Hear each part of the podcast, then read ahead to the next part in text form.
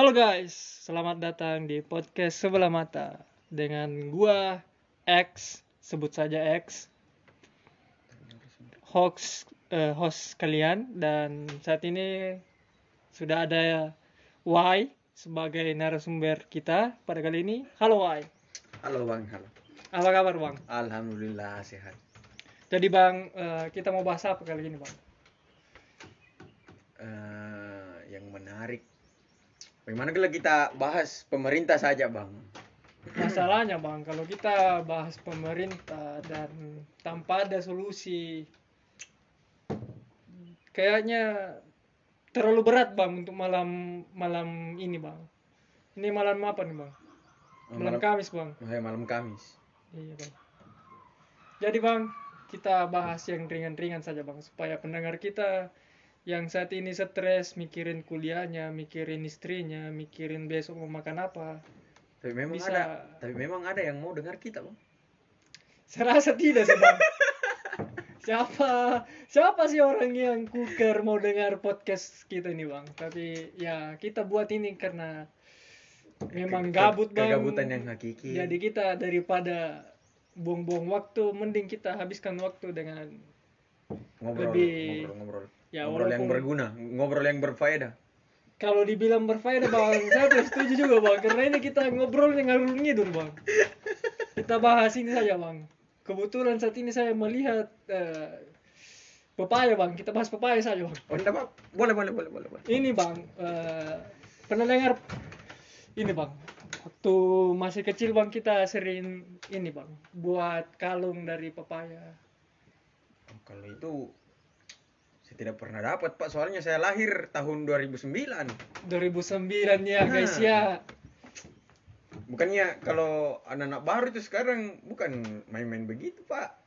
Mainannya Aduh. itu main Mobile Legend, Aduh. main Free Fire. Aduh. Kan main kalung-kalungan pakai daun pepaya. Aduh, yang ini bang ya. ya. Ketinggalan zaman sekali itu, yang Pak. apa yang wayang wayang dari pepaya yang main soki main pincong main Main bulele. main balik-balik guys. Bobo boy sudah ada ya guys ya? Sudah- Sudah dari 10 ke anak Indonesia. Hanya nol, hanya hanya sepotong yang main-main begitu sekarang, Bang. Yang mirs ya guys ya? miris sekali. dulu waktu masih zaman kita SD guys eh, paling tidak kita main-main leta Eh, untuk para pendengar yang tidak tahu leta itu apa. Jadi ini semacam permainan Se- se- se- seperti sembunyi-sembunyi tapi eh, cuma sat- ada satu penjaga dan ada tim yang apa namanya bersembunyi dan biasanya dimainkan pada malam hari. Dan di pesta-pesta guys. Biasanya kalau kumpul bersama keluarga di pesta keluarga kita main letak di situ. Habis itu berkelahi. Dan kita menangis pulang ke mama habis mengadu. menangis, mengadu dan, dan mama mama menyonyong. Kalau untuk teman-teman yang tidak tahu menyonyong itu seperti mengoceh-ngoceh ya. Iya. jadi begitu guys. Jadi jadi Eh. pepaya kenapa? Jadi balik ke topik nih mas. Eh, pepaya. Kalau dilihat dia kenapa bentuknya lonjong karena kalau bentuknya bundar itu namanya lemo-lemo bang. Lemo-lemo itu bagi teman-teman yang tahu tidak tidak tahu lemo-lemo tuh. Lemo-lemo itu semacam jeruk eh memang jeruk pale memang jeruk. Jeruk yang bentuknya bundar tidak seperti pepaya. Kenapa pepaya bentuknya lonjong? Ya karena namanya pepaya bukan jeruk. Jelas, Bang? logis logis. Nice, nice. terima kasih loh atas penjela- penjelasan yang sama sekali bermanfaat sekali. Kalau bisa itu tadi penjelasannya diperjelas lagi jadi bang eh, bagaimana bang dengan eh, anak-anak yang saat ini yang tidak mengenal lagi permainan yang legend seperti pincong? Saya sekarang saya saya rasa itu sayang Wayang. sekali. Saya saya rasa itu sayang sekali pak. Kenapa saya bilang? Karena permainan-permainan zaman dulu itu pertama dari kecil kita diajarkan untuk solid pertama solidaritas solidaritas. Yang kedua eh eh satu mau tidak ada tidak ada yang kedua oke jadi bisa pertama diceritakan bang? solidaritas. Itu yang paling penting pak. Dan sekarang itu kenapa banyak anak-anak yang berbicara kotor dalam tanda kutip toksik Nah, karena itu tidak tidak tidak merasakan lagi pergaulan yang yang bagaimana? Yang bermanfaat seperti sekarang zamannya orang main Free Fire, main Mobile Legend, Mobile Legend itu tapi kita juga main ya, Bang. Jadi menurut abang dari dengan dengan adanya teknologi saat ini dan masa depan adik-adik kita, Dan? ini kelihatan bahwa adik-adik kita kekurangan, eh, bukan kekurangan, sih, lebih tepatnya krisis eh, emosional. Karena menurut abang dari penjelasan tadi eh, adik-adik kita kurang yang namanya respect kepada orang tua. Kurang karena kurang. toksik kurangnya pan kurang kurang sosialisasi bukan Oh. kurang bergaul bergaul tapi bergaul virtual nah itu yang Iya. menyebabkan tidak bisa menghargai satu sama lain Iya, contohnya betul, betul. kalau banyak sekali kita temui dalam game itu anak-anak yang kita tahu itu masih anak-anak di bawah umur tapi sudah bisa mengucapkan kata-kata yang tidak pantas pak Iya sih betul betul betul. Dan Kadang memang- miris lihat anak yang baru lima tahun, enam tahun, tapi kata-katanya sangat tidak terdidik iya. Padahal orang tuanya pasti mendidik mereka. oh tidak ada orang tua yang tidak mendidik anaknya pak Ya betul. selamanya itu orang tua pasti mau untuk yang, yang terbaik untuk anaknya sendiri Setuju setuju. ada sih bagusnya ini perkembangan teknologi karena kenapa sekarang itu mau belajar gampang cari di internet saja ada Betul. tidak ada yang tidak ada di internet Betul. nah itu dampak positifnya perkembangan teknologi ini dampak negatifnya yaitu Semakin bodoh ya bang. semakin bodoh apalagi sekarang sekolah online pak nah itu pembahasan yang bagus Oh iya, Sekolah bagaimana online. bang dengan sekolah online di kampung apa? Oh btw guys, kami ini anak kampung guys, jadi pembahasan tentang masalah-masalah di kampung saja guys. menurut saya itu sekolah online sekarang sangat tidak worth it apalagi di daerah-daerah terpencil seperti di sini pak. Kenapa? Karena eh, yang realistis realistis saja orang datang di sekolah tatap muka sama guru itu belum tentu dia paham apa yang dijelaskan sama gurunya. Apalagi kalau lewat HP saja ngomong belum tentu juga sat- satu orang bagus bagus sinyal Ya betul bagus betul. device. Betul betul, setuju setuju. karena saya adik saya sendiri merasakan sekarang pak di mana ada di mana saat sinyal susah sekali device Betul. juga kurang mendukung Apalagi pulsa ya bang, nah, pulsa mahal. Kuota mahal. Aduh. memberatkan sekali dan kita ini bukan orang berada pak Yang- Jadi maksudnya bisa ditarik kesimpulan bahwa seharusnya di daerah kita saat ini eh, diperlakukan full sekolah offline saja. Karena kalau dilihat dari kasus COVID juga di daerah kita sangat kurang. kecil sekali kecil Bahkan- sekali ada yang terpapar covid ini kecil sekali kemungkinan Bahkan kok bahkan selain eh, kecil kemungkinan memang selama ini tidak ada kasus di daerah kita ya, Bang. ya bisa dikatakan hampir tidak ada ada sih tapi ya cuman Itu kan ya case dari itu Ya. pun yang kena itu tenaga Bagian- kesehatan bang tenaga ya, kesehatan. tenaga kesehatan. yang Ya, mereka kan sih. langsung kontak fisik sama yang yang kena begitu kan Tapi kan dia juga kalau kalau nggak salah itu sempat dikonfirmasi kenapa bisa karena kan dia turun ke de- nah ke, yang kota itu yang dan ketemu bilang sama itu yang saya ini. bilang yang terkontaminasi langsung yang Iya, bersentuhan betul, langsung dengan betul. penderita tuh Ya, nah, itu kalau untuk dibilang eh, siswa-siswi anak-anak SMA anak SMP oh tidak ada pak tidak ada belum ada kasus satupun di sini yang kena begitu ya.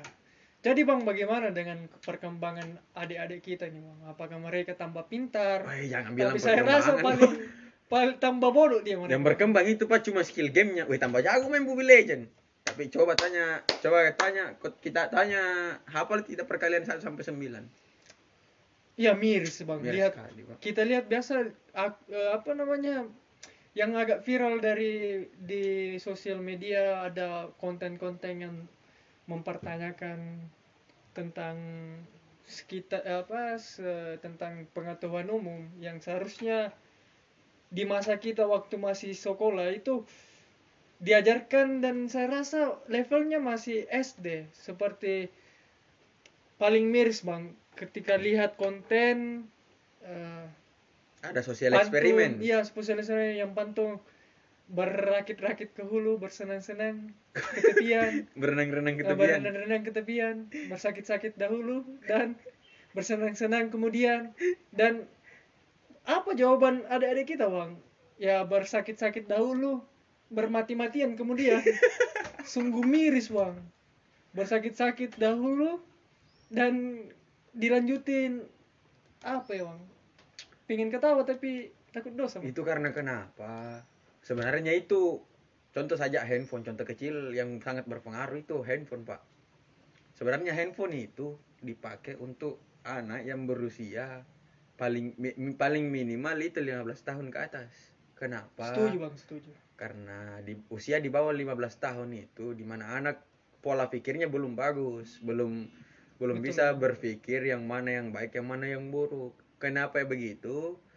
Ya itu lihat contohnya sekarang anak-anak ditanya tahunya Mobile Legend, Free Fire, Sunjongko, Senjongki, Bang. Senjongko, oh, Senjongki. Sorry, sorry, sorry, sorry, sorry. Tapi agak miris bang karena sekolah kan off- online. Berarti mau tidak mau orang tua harus memberikan akses ke anak-anak Nah, mereka. makanya itu, Bang.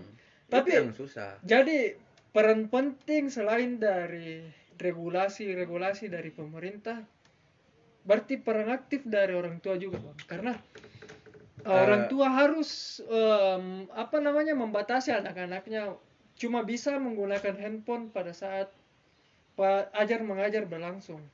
Pemerintah itu Seharusnya sebenarnya dari dari persentase 100%. Eh, peran aktif pemerintah sebenarnya cuma 30%, 70%, 70 persennya itu dari orang tua anak tersebut sendiri. Tapi kalau realitanya tidak semudah itu. Karena anak-anak sekarang sudah banyak sekali Pak yang tidak mendengar sama orang tuanya. Ditegur, jangan main handphone kalau selesai belajar. Oh, jarang sekali ada anak yang mendengar sekarang.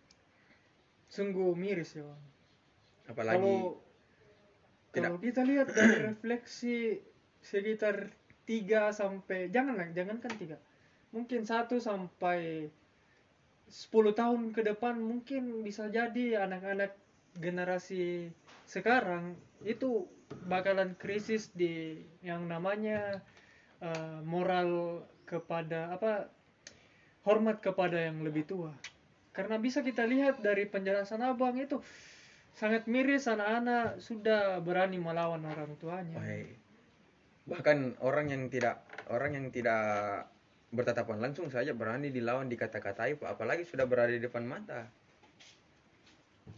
Yang biasanya ada di depan di la- depan layar kaca layar HP saja miris sekali. Kata-katanya tidak sama sekali tidak ada yang tidak ada yang sopan.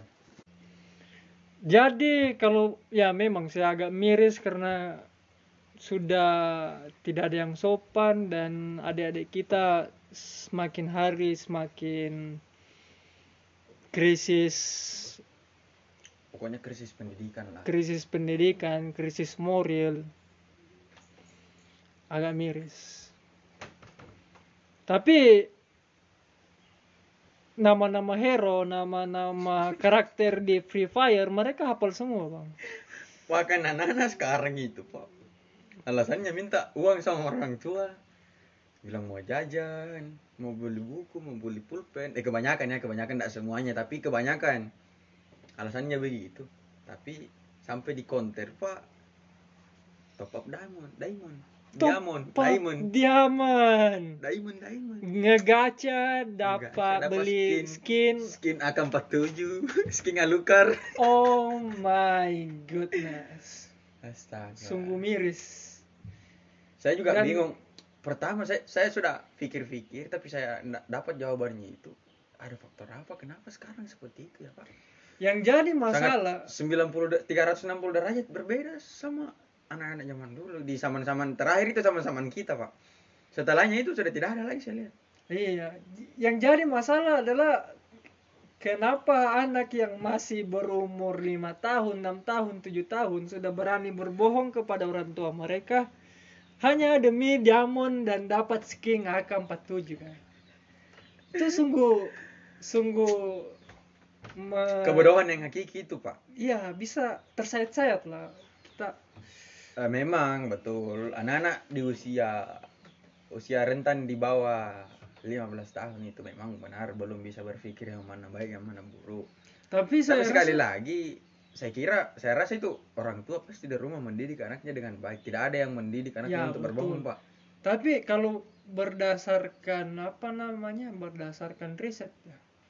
Pernah dengar ini eh, marshmallow test itu eh, ada sekumpulan anak di dalam sebuah tes dihadapkan dengan satu marshmallow dan anak yang cuma ada dirinya dengan satu marshmallow, marshmallow dan diberi eh, sekitar waktu 15 menit untuk menunggu. Apabila dia berhasil menunggu selama 15 menit, maka akan ditambahkan satu marshmallow.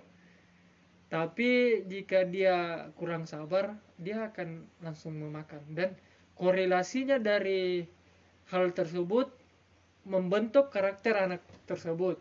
Karena dia bisa menahan dirinya. Dan saya rasa kalau itu diterapkan kepada adik-adik kita yang saat ini, jangankan satu menit, mungkin satu detik penjaganya keluar, marshmallow-nya sudah habis. Karena kalau dilihat dari fakta, menurut abang, adik-adik kita sudah berani berbohong demi hanya dapat diamond dan membeli skin AK-47. Nah, itu yang saya katakan. Eh jangankan di wilayah perkotaan. Kita saja ini yang hidup di desa yang bisa dikatakan masih ada masih masih banyak anak-anak yang bergaul satu sama lain dengan bergaul dengan anak yang lain karena kan beda kan kehidupan di kota sama di desa, di desa Ya, itu. Yang namanya tetangga orang saling peduli. Bahkan yang satu daerah itu bahkan untuk satu daerah itu hampir semuanya itu berkeluarga nah, beda dengan di kota toh di Betul, kota betul. itu bahkan tetangga sebelah rumah saja belum tentu kita dia peduli sama kita Betul. Nah itu yang saya katakan bagaimana bagaimana nasibnya orang-orang di kota pak. Bahkan yang di desa saja sekarang sudah seperti itu. Apalagi yang daerah perkotaan. Betul, betul.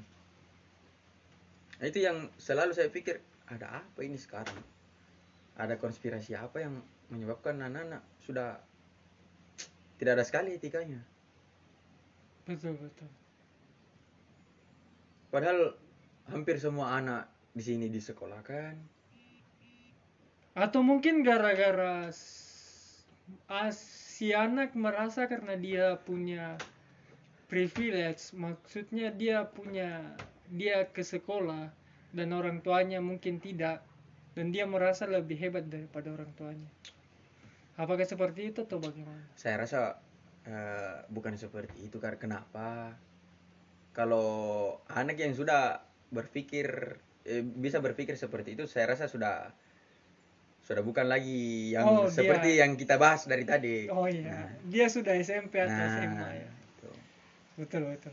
Kita bahas yang kita bahas tuh yang anak-anak yang gimana betul. bisa dikatakan masih masih kecil sekali tapi sudah bisa mengeluarkan kata-kata yang sangat tidak pantas Pak. Tidak Iya, terdidik sama sebenarnya sekali. saya sengaja membahas itu karena sebagai singgungan saja. Di- karena banyak teman-teman kita yang merasa lebih hebat dari orang tuanya karena hanya karena dia bersekolah. Padahal Padahal orang tuanya lebih hebat karena mere- orang tuanya mempersekolahkan anak-anak mereka. anak-anak muda yang ada di kita yang nanti bakal dijadikan harapan bangsa, penerus bangsa. Perusak bangsa. Tapi sekarang saya rasa sudah berubah jadi perusak bangsa. Kenapa? Betul. Kita lihat realitanya di sekarang itu pertikaian sudah gampang sekali terjadi, Pak. Tidak sama zaman dulu. Zaman dulu itu ada pertikaian, lima menit kemudian itu sudah baku main-main lagi. Iya betul betul. Sekarang lewat handphone saja bertikai, baku baku kata-katai, mengeluarkan kata yang tidak pantas. Saya rasa bedanya kita di masa-masa waktu SD itu bedanya kita masih ini masih suka berlari-larian ke sana kemari walaupun ingus ber berserakan. Tapi benar. Iya. Sepertinya yang sekarang terjadi itu faktor terbesarnya, penyebab terbesarnya itu karena teknologi. betul betul. Dan Karena selain kan- teknologi, mungkin gara-gara om corona juga ya, karena Eh, ada ketakutan. ah, tapi eh, kor- eh, COVID ini tapi saya rasa di Saya di kampung kita corona itu serasa angin lalu. hampir- Maksud saya hampir tidak hampir tidak dipedulikan di sini, Pak. memang Makanya tidak itu, dipedulikan dan Kenapa?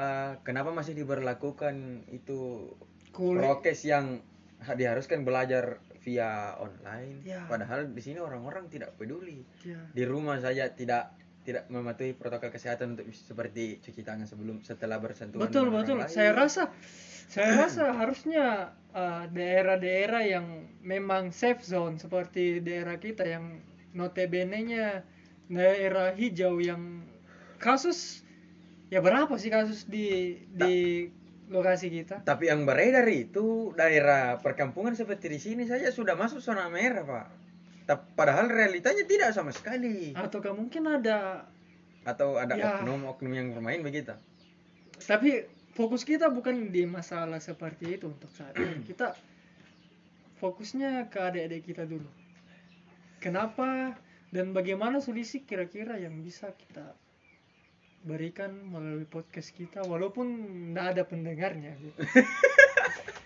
ya oke, bukan namanya pesimis atau bagaimana tapi saya rasa yang dengar podcast ini Cuman ya orang-orang yang yang pengangguran. Iya, yang memang pekerjaan. yang yang apa yang merasa gabut mau ngerjain apa, yang mending kita cari mana konten yang tidak berguna yang bisa kita dengar dan kebetulan dia mendengarkan konten kita. Oh, anu. Menurut saya ada juga faktor dari sosial media. Contohnya eh, aplikasi merah. Di dalam itu menyediakan menye- menyediakan konten kreator yang sebenarnya sudah dewasa semua tapi tidak tahu konsekuensinya untuk mengeluarkan kata-kata yang kasar seperti itu. Oh, Aplikasi merah, Bang. jadi di sini salah siapa? Kalau menurut dari sudut pandang kita itu salah orang tuanya karena Ya salah orang tuanya, pure Ada, salah orang ya, tuanya. ada. Kenapa? Kau Kan- kenapa orang tuanya memberikan fasilitas secepat itu, Pak? Ya, aplikasi merah kan ada dua tipe. Ada tipe kids sama yang original. Nah, itu. Sayangnya kok ya betul sih konten-konten yang orang kalau di zaman sekarang sudah dari berapa satu tahun yang lalu COVID ini datang sudah dua tahun sudah hampir dua tahun. sejak 2019. Nah, Ini kan itu. sudah 2021. Saya rasa susah juga orang tua melarang anaknya untuk di, eh, orang tua tidak memberikan fasilitas seperti handphone kepada anaknya karena handphone sekarang kan juga sangat dibutuhkan sekali. Oh, atau mungkin gara-gara Pikachu, Pikachu, Pikachu, Pikachu, Pikachu, Pikachu, Pikachu, Pikachu, Pikachu, Pikachu, Pikachu, Pikachu. Pikachu, Pikachu, Pikachu. Pikachu. Pikachu, Pikachu. Nah, itu tadi. Jadi bagaimana ya? Agak miris karena lagi-lagi kalau kita lihat ini perang orang tua harus lebih selektif untuk memberikan fasilitas itu kepada anaknya. Tapi kebanyakan orang tua kan juga punya aktivitas, Pak. Ya wajar, apalagi, Apalagi kita di per, yang per- per- perdesaan, perdesaan begini. ini kan orang eh, mayoritas pekerjaan orang di sini tuh sebagai petani. betul, Nah, keba- eh, sebagian besar waktunya itu diluangkan untuk bekerja. betul. Nah, itu yang saya rasa saya rasa kenapa orang tua kurang mendidik anak ya karena itu tuntutan ekonomi juga. Betul. Ya, agak Jadi eh solusinya itu yang terbaik. Kita sebagai eh, generasi penerus bangsa yang sudah tahu yang mana baik yang mana buruk, seharusnya lebih bisa lah memberikan memberikan konten-konten yang, konten-konten yang, lebih- bermanfaat untuk anak-anak. Tapi masalahnya adik-adik kita. masalahnya konten-konten toksik itu lebih diminati oleh ada Nah, itu lagi salahnya susahnya, Pak. Di Indonesia itu konten-konten yang sama sekali tidak berfaedah lebih laku daripada konten-konten yang punya kandungan pembelajaran begitu. Ya karena memang kalau kita lihat dari psikologis manusia, memang manusia lebih suka sesuatu hal yang kontradiktif dari atau menyimpang dari norma-norma. Misal kita lihat kalau misal eh, pembukaan gedung baru itu bakalan memiliki eh, masa yang lebih sedikit daripada kebakaran. Padahal kalau kita lihat itu sama-sama hal yang bisa dilihat sama-sama hal yang sama tapi berbeda karena satu konotasinya dia lebih ke positif dan yang satu lebih ke negatif. Kita lihat orang bakalan kerumun ber, berkerumun dengan dan melihat kejadian bahwa oh di sana ada kebakaran. Beda dengan ke- ketika pembukaan atau peresmian suatu gedung. Ya mungkin ada tapi yang ada itu mereka orang-orang yang yang memang di- diundang dari tempat itu. Beda dengan kebakaran. Dan kebanyakan orang-orang yang lihat kebakaran itu cuma menonton saja tanpa meng ya mereka harus mengapa gitu. Ya, dan itu menjelaskan bahwa masyarakat pada umumnya memang suka hal-hal yang negatif. Kenapa konten-konten toksik lebih disukai? Karena menyimpang dari sesuatu hal yang sering kita atau biasa-biasa kita alami. Berarti Kata-kata kotor, seharusnya kembali lagi ke peran orang tua ya bang ya. seharusnya sih itu. Harusnya orang tua lebih bisa menegaskan kepada anaknya sendiri itu. Yang orang tuanya sudah eh, sudah tahu kalau anak saya ini belum siap Ya betul. untuk terkontaminasi terlalu dalam soal teknologi ini. betul betul. Untuk lebih menjaga. Ya. Karena kenapa? Iya, seperti yang Dan- kita bahas dari tadi tuh miris sekali, Pak. Betul betul dan saya rasa manfaat kita buat konten ini juga sebagai refleksi untuk kita di saat jadi orang tua mengingat Nah, bahwa betul juga betul. oh kami pernah membahas masalah ini dan apabila kita nanti jadi orang tua dan melakukan hal yang sama dengan apa yang terjadi saat ini berarti kita orang tua yang lebih di- lebih bodoh daripada yang bodoh karena Betul, kita betul. membahas dan menertawakan hal tersebut, Hal-hal tersebut, tapi dan kita sendiri yang sendiri melakukan. melakukan. Jadi saya rasa saat ini media-media platform semacam ini sangat berguna karena kita bisa ketemu dan membicarakan hal-hal yang mungkin saja remeh tapi Sebenarnya sangat penting Agak- untuk kehidupan sehari-hari. iya betul. Mungkin pembahasan kita tentang adik-adik kita dan masalah ini akan lebih panjang tapi Karena durasi juga, Pak. saya Tapi rasa begini begini saya bertanya dulu kepada Abang ini menurut Abang solusinya yang paling baik menurut Abang itu seperti apa? ya solusi yang paling terbaik adalah pertama ya bagaimana ya? Menurutku ini jat lagi-lagi jatuhnya ke orang tua mereka. Bagaimana orang tua bisa membuat anaknya tidak kecanduan dengan gadget tidak ketergantungan dengan gadget. Iya kan konten-konten kreator yang ada di platform platform eh, aplikasi merah juga sebenarnya tidak salah Pak karena zaman sekarang siapa yang tidak mau uang? Ya betul. Dan mendapatkan uang dengan memberikan konten-konten yang toksik atau mungkin gara-gara tidak wajar untuk ditonton Iya. semua kalangan. Itu yang paling besar untuk peluangnya mendapatkan uang banyak. Atau mungkin gara-gara gampangnya juga membuat konten dan mengekspos konten-konten yang tanpa ada eh, kait ah, maksudnya tanpa ada satu eh, badan hukum yang mengawasinya itu saya rasa sangat berdampak untuk generasi kita yang di bawah kita maksudnya. Karena mungkin saat ini eh, si merah sudah diawasi karena ka- kata-kata semacam anjing itu sudah di orang gila sekarang sudah Oh, tidak bila tidak, sudah tidak bisa dibilang orang, orang gila, gila, harus ODGJ. ODGJ dan anjing itu sudah disensor di aplikasi si merah Re- realitanya belum semua pak. Masih banyak sekali konten kreator yang yang tidak Bahkan- dengan hal itu. Nah bahkan saya pernah nonton beberapa live streaming. Live streamingnya yang ditonton langsung oleh kita tidak tahu kalangan mana yang menonton karena tidak ada juga batasan untuk kalangan-kalangan yang bisa menonton itu kata-katanya sangat hampir bilang tidak terdidik tapi ya sekali lagi siapa yang tidak mau uang.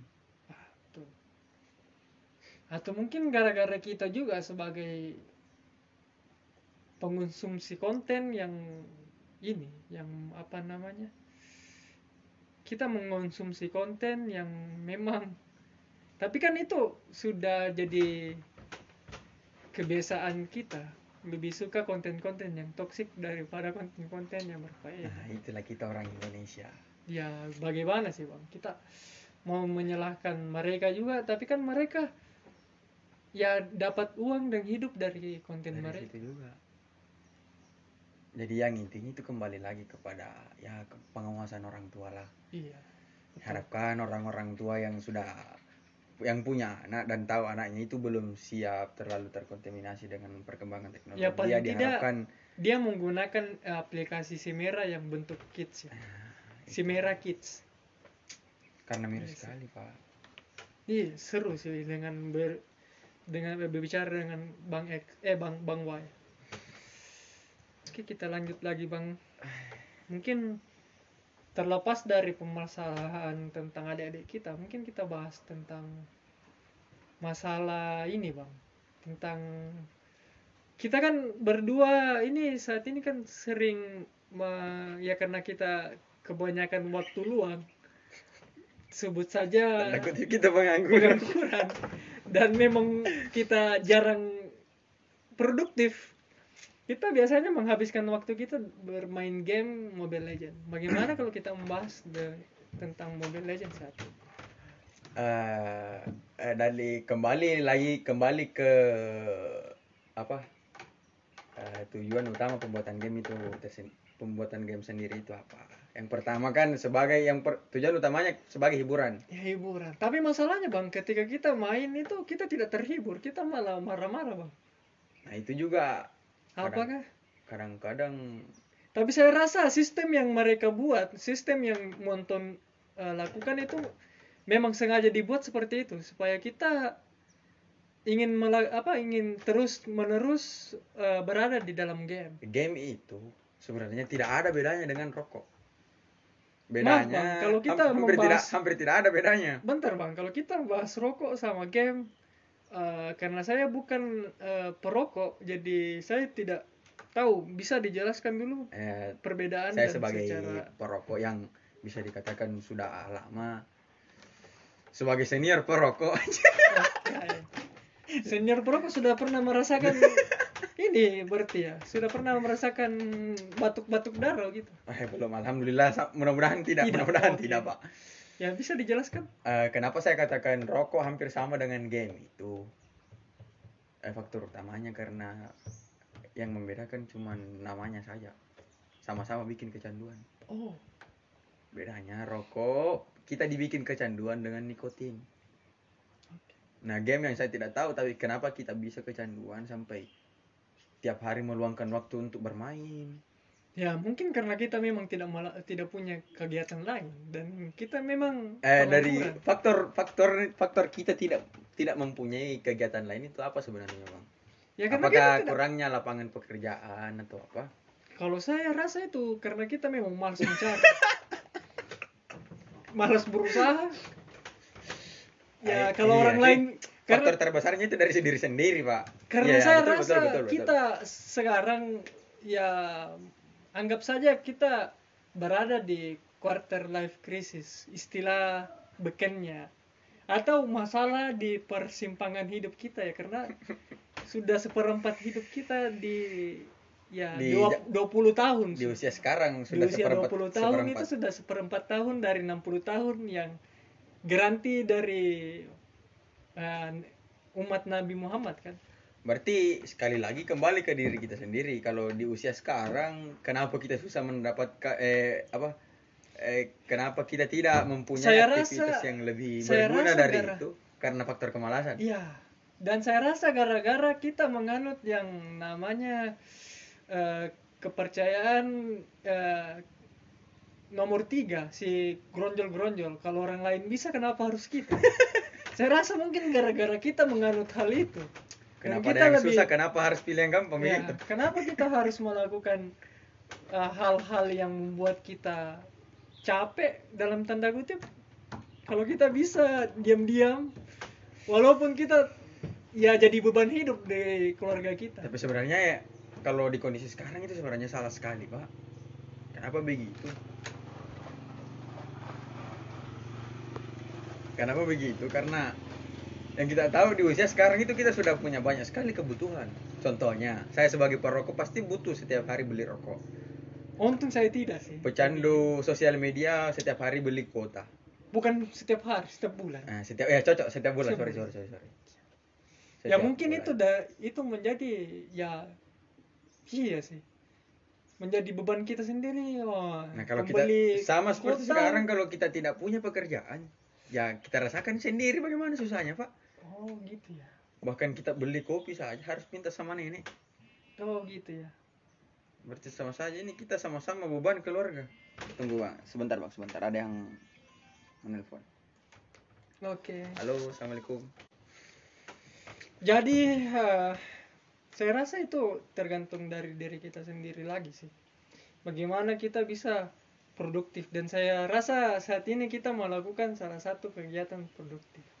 Walaupun sebenarnya juga tidak produktif-produktif amat karena belum tentu ada pendengarnya dan ini ya Tapi ini sebenarnya kepuasan tersendiri Ya, untuk kita kayak- berdua karena bisa me- mengeluarkan apa yang ada di pikiran kita selama Ya. ini, Pak. dan saya rasa daripada kita eh, main game saja dan Hmm. merasakan bahwa Mending kita berdiskusi tentang masalah-masalah sosial yang ada di Ya. sekarang di Indonesia. Lebih berfaedah. Walaupun sebenarnya Wah, tidak ada faedahnya. tidak ada bedanya sih apa yang kita perbincangkan dari tadi kita bahas papaya kita bahas permainan anak kecil kita di waktu Kopinya, Bang, kita. diseruput, Bang, diseruput. wis iya mantap Alhamdulillah. jadi balik lagi ke ke permasalahan kita sebagai pengangguran saya rasa kita sebenarnya punya punya kesempatan yang sama daripada dengan orang-orang yang lain. Cuma ya faktor gengsi dan malas sih Nah, itu. sebenarnya. Yang menurut saya itu kenapa sekarang banyak anak eh, banyak orang yang pengangguran? Ya karena pertama gengsi. Dan malas dua sebenarnya. malas. Tiga kemampuan. Empat faktor sosial. Kemampuan itu yang saya katakan kemampuan itu eh, belum tentu eh, saya mampu seperti mampu menjadi eh, orang kantoran yang punya tanggung jawab besar. Belum tentu belum tentu semua begitu. Belum tentu juga saya sebagai orang yang tidak misal tidak pintar belum tentu juga bisa mengerjakan pekerjaan yang keras. Betul betul betul. Dan seperti kita seperti abang ini contohnya. Abang kan sudah sarjana sudah sarjana S1 nah eh, Sarjana lebih tepatnya pengangguran baru. Ah, pengangguran baru. Kenapa? Ken eh, saya rasa banyak eh, eh, teman kita yang berpikir masa iya saya sudah sekolah dari SD 6 tahun? Eh, dari TK satu tahun SD 6 tahun SMP 3 tahun SMA 3 tahun kuliah selama 4 tahun masa iya dapat pekerjaan yang keras apa hasil dari pendidikan saya selama ini Oh iya, ini kayak lebih ke apa ya istilahnya? Kayak apa? Gengsi sih. nah itu Gengsi yang tapi kan gengsi itu bersifat manusiawi pak tapi masalahnya goblok sih karena kita butuh makan dan kita tidak mau berusaha tidak mau berusaha. Tapi kan Dan jatuh-jatuhnya lagi ke- kita jadi beban orang tua. Orang tua pengennya setelah anaknya jadi sarjana itu punya pekerjaan dan menghidupi orang tuanya. Saya rasa ada kebahagiaan tersendiri apabila orang tua menikmati gaji pertama anaknya. Iya, Atau- sudah pasti itu pak Ya, karena Tapi- orang tua juga woi bilang "Wah, anak saya selama ini yang saya besarkan pak sudah bisa atau mungkin gara-gara ada paradigma bahwa orang tua membanggakan anaknya jadi beban ke anaknya sendiri. Karena ya setiap keberhasilan kita di desa itu rata-rata disonding oleh orang tua kita. Oh, bukan bukan sekedar di desa pak kalau itu berlaku untuk hampir semua daerah sampai hampir semua Iya. eh, apa ya masyarakat Indonesia Nah, intinya seperti itu. semua. Tapi Eh. masalahnya masalahnya ini akan be- jadi beban kepada kita karena apabila kita punya pekerjaan yang jelek itu jatuhnya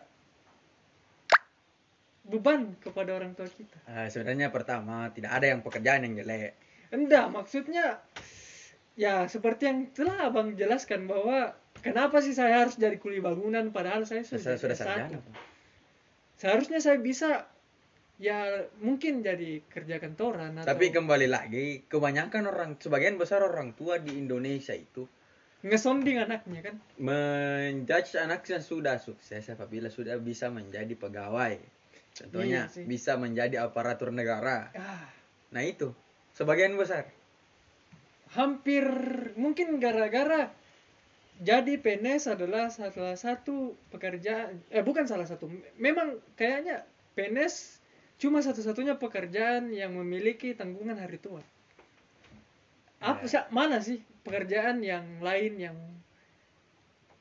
menanggung Ah, Masa ada, hari ada tua. sih tapi harus diusahakan dulu Ya. contohnya kita berbisnis uang yang hasil kita berbisnis diinvestasikan untuk hari tua nah itu tapi masalahnya adalah tidak semua orang memiliki pengetahuan tersebut nah itu ya itu, Berapa ya- itu orang yang jadi sih? masalah Berapa orang yang meng- yang mengenal yang namanya investasi?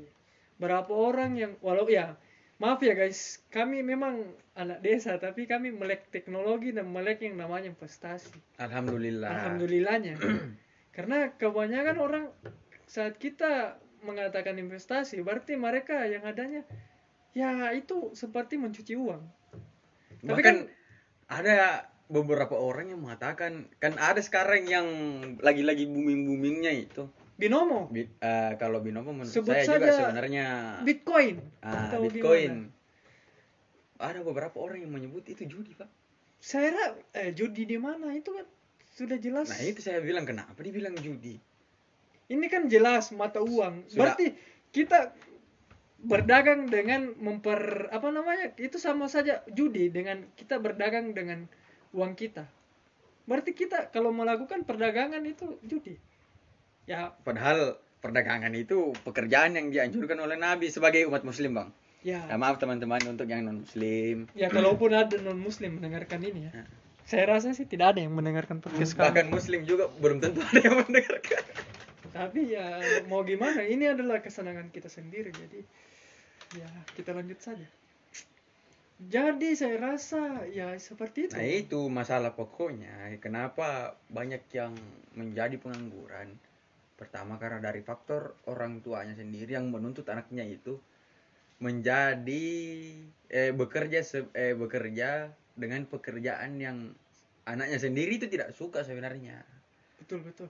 Orang Tapi- tua kan menilai kesuksesan itu dari Tapi tidak semua orang tua. ya tidak semua. Tapi rata-rata. rata-rata kebanyakan untuk orang-orang tua yang eh kurang kurang kurang bagaimana kurang kurang mengenal teknologi Betul. karena orang-orang tua yang kurang tek- kurang mengenal teknologi itu ya tidak tahu perkembangan zaman eh seperti sekarang kalau mendapatkan uang tidak harus dengan menjadi aparatur negara Tidak harus menjadi pegawai negeri yang- tidak tidak semuanya Iya kita kada adi apa namanya dengan jadi apa dengan berkembangnya teknologi ada la- lapangan kerja baru yaitu jadi content creator. bagaimana Di kita endorse dan ketika seseorang di endorse itu kan adalah sesuatu pekerjaan yang kita cuma membuat konten dan kita menerima uang. menjadi konten konten kreator itu sebenarnya gampang sekali bang. Yang susah itu mendapatkan uang dari menjadi seorang konten kreator. Saya rasa kebanyakan mungkin gara-gara ketika teman-teman nah seperti Mulai- sekarang ini kebanyak banyak konten kreator yang menyajikan konten-konten yang sebenarnya bermanfaat yang dijadikan sebagai pembelajaran itu tidak laku pak karena saya rasa seperti ini karena kebanyakan yang turun ke ke konten dunia perkonten kreatoran itu mereka berpikir bahwa mereka ingin mendapatkan hasil dari situ. Tapi seharusnya yang kita lakukan bukan untuk Bukan mendapatkan, sekadar hasil, mendapatkan tapi hasil. kita melakukan yang terbaik. Kita memberikan energi kita maksud saya karya kita untuk disajikan orang banyak. Pengetahuan kita. Ya. Dan saya rasa mungkin hanya kenapa sebagian banyak kecil konten kreator yang begitu Ka- ya makanya saya rasa konten salah satu konten kreator yang di Indonesia yang saat ini masih masih eksis kita sebut saja Raditya Dika. Yang sampai saat ini konten-kontennya masih original tanpa ada fake di dalamnya atau Deddy Corbuzier dengan podcastnya. Itu masih masih bisa dibilang eh, kontennya masih masih bagus. Tanpa adanya sangkut paut yang namanya eh, tanda kutip. tanda kutip settingan. Nah, betul. Tapi kembali lagi, konten kreator yang berhasil dengan menyajikan ya. hidangan-hidangan yang bermutu, Bermutu itu, itu- sangat sedikit. Dari 10 persentasenya cuma satu pak yang berhasil. ya betul betul. Nah, itu yang saya katakan. Padahal dan untuk kita karena kita saat ini mencoba untuk menjadi seorang podcaster. Kita melakukan pekerjaan ini bukan karena kita ingin mendapatkan uang di sini karena kita merasa bahwa ini adalah salah satu platform yang kita bisa berbicara. Mungkin apabila ada pendengar ya alhamdulillah. Dan Kalau tidak tidak, ya tidak tidak masalah karena kita di saat kita jadi jadi mungkin dua ya apa sebut saja lima tahun ke depan ketika kita ingin uh, nostalgia dengan masa-masa saat ini kita mungkin bisa mendengarkan podcast ini. Dan kita oh ternyata kita pernah se- segabut ini dan membuat konten seperti ini. Ya saya rasa uh, saya rasa konten-konten kita ini akan berlanjut setiap minggunya setiap ya minimal sekali lah setiap minggu. Dan ini mungkin adalah eh, ya ini adalah episode pertama kita di podcast sebelah mata ya balik lagi. Mungkin ini adalah penjelasan podcast yang biasanya podcast itu dijelaskan di awal-awal atau di pembukaan podcast pengenalan podcast kita. Menjelaskan tujuan podcast kita itu sudah di pertengahan bahkan sudah mau di penghujung acara kita. Karena kembali lagi ke tujuan utama supaya kita membuat konten-konten seperti ini kan ya untuk fungsinya untuk supaya kita kita sendiri bisa bisa speak up Ya, betul. tentang hal-hal apa yang terjadi sekarang. Ya. Dan kenapa? Oke, balik lagi dengan eh, ide kenapa namanya podcast kita sebelah mata? Karena menurut saya saat ini kita berbicara dengan sebelah mata. Tanpa memikirkan apa yang terjadi di sekitar kita. Maksudnya eh, bakalan terjadi seperti apa dan tentang tanpa memikir eh, konteks apa yang kita akan bahas. Kita random membahas hal-hal yang mungkin agak remeh tapi ya agak seru dan sampai Yang saat menurut kita itu seru, Pak. dan saat ini sampai saat ini su- sudah 48 menit kita berbicara dan tanpa dirasa dan ternyata Eh, Seru-seru begini, saja, saya punya pertanyaan.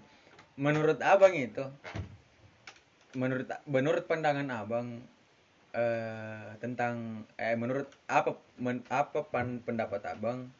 Menurut pendapat pendapat pen- pendapat pribadi ya. Pandangan Abang tentang ini eh, anggaran prakerja. Anggaran prakerja jujur saya kurang tahu tentang anggarannya dan saya juga bodoh amat dengan hal yang seperti itu. Cuma saya rasa itu cuma salah satu ini ya buang-buang apa ada yang menurut abang apakah ada kira-kira yang bermain di dalamnya? Kenapa? Menurut saya itu kenapa tidak kenapa pemerintah tidak menarik saja lulusan mahasiswa setiap tahun untuk masuk bekerja di BUMN Mungkin gara-gara kenapa ya? Karena kebanyakan ya. Kenapa tadi saya menyonding diri saya sebagai pengangguran baru. Karena ya itu karena kita punya lapangan bukan bukan lapangan pekerjaan yang sangat kecil, sangat sedikit tapi orangnya itu ini kebanyakan. Kalau bisa dilihat seperti bisa kita saat eh, punya satu kue tapi diperebutkan ribuan orang.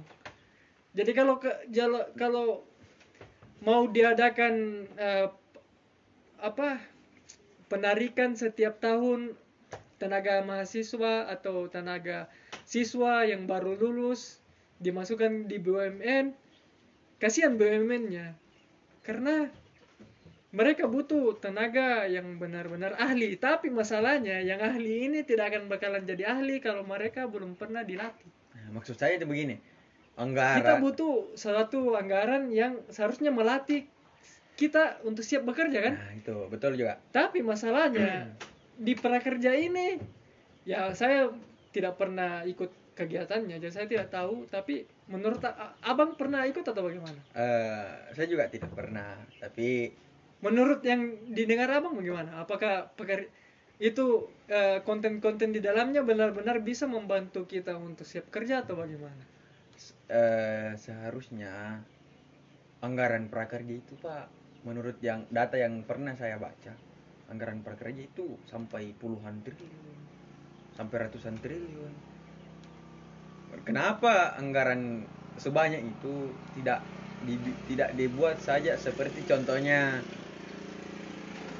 contohnya apa ya? Contohnya untuk mahasiswa mahasiswa atau siswa yang baru selesai tidak dibikinkan lapangan pekerjaan untuk orang-orang yang masih bersekolah tidak dibuatkan contoh untuk masuk BUMN kan BUMN kan ada persyaratan persyaratan khusus. Ya kenapa tidak dibikinkan eh apa seperti sekolah untuk membimbing untuk oh mengajari? betul kenapa? betul.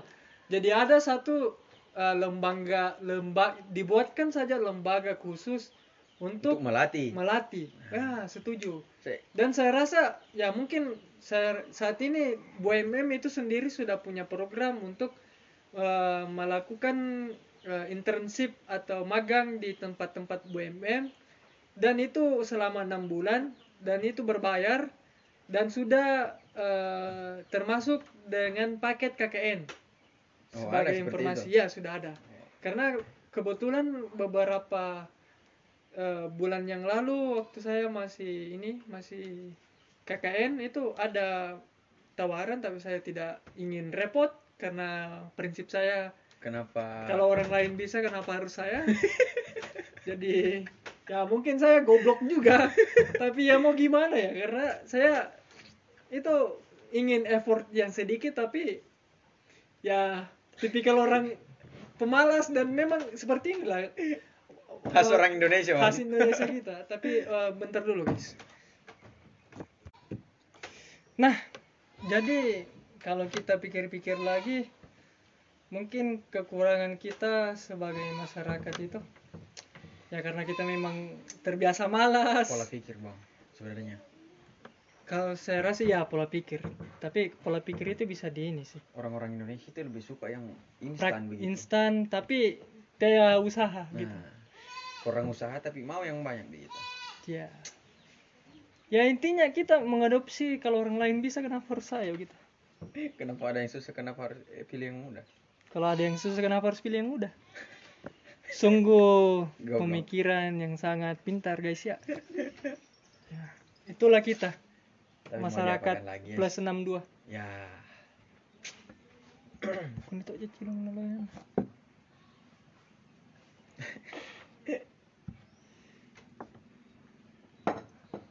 untung kita masih tinggal di desa Bang.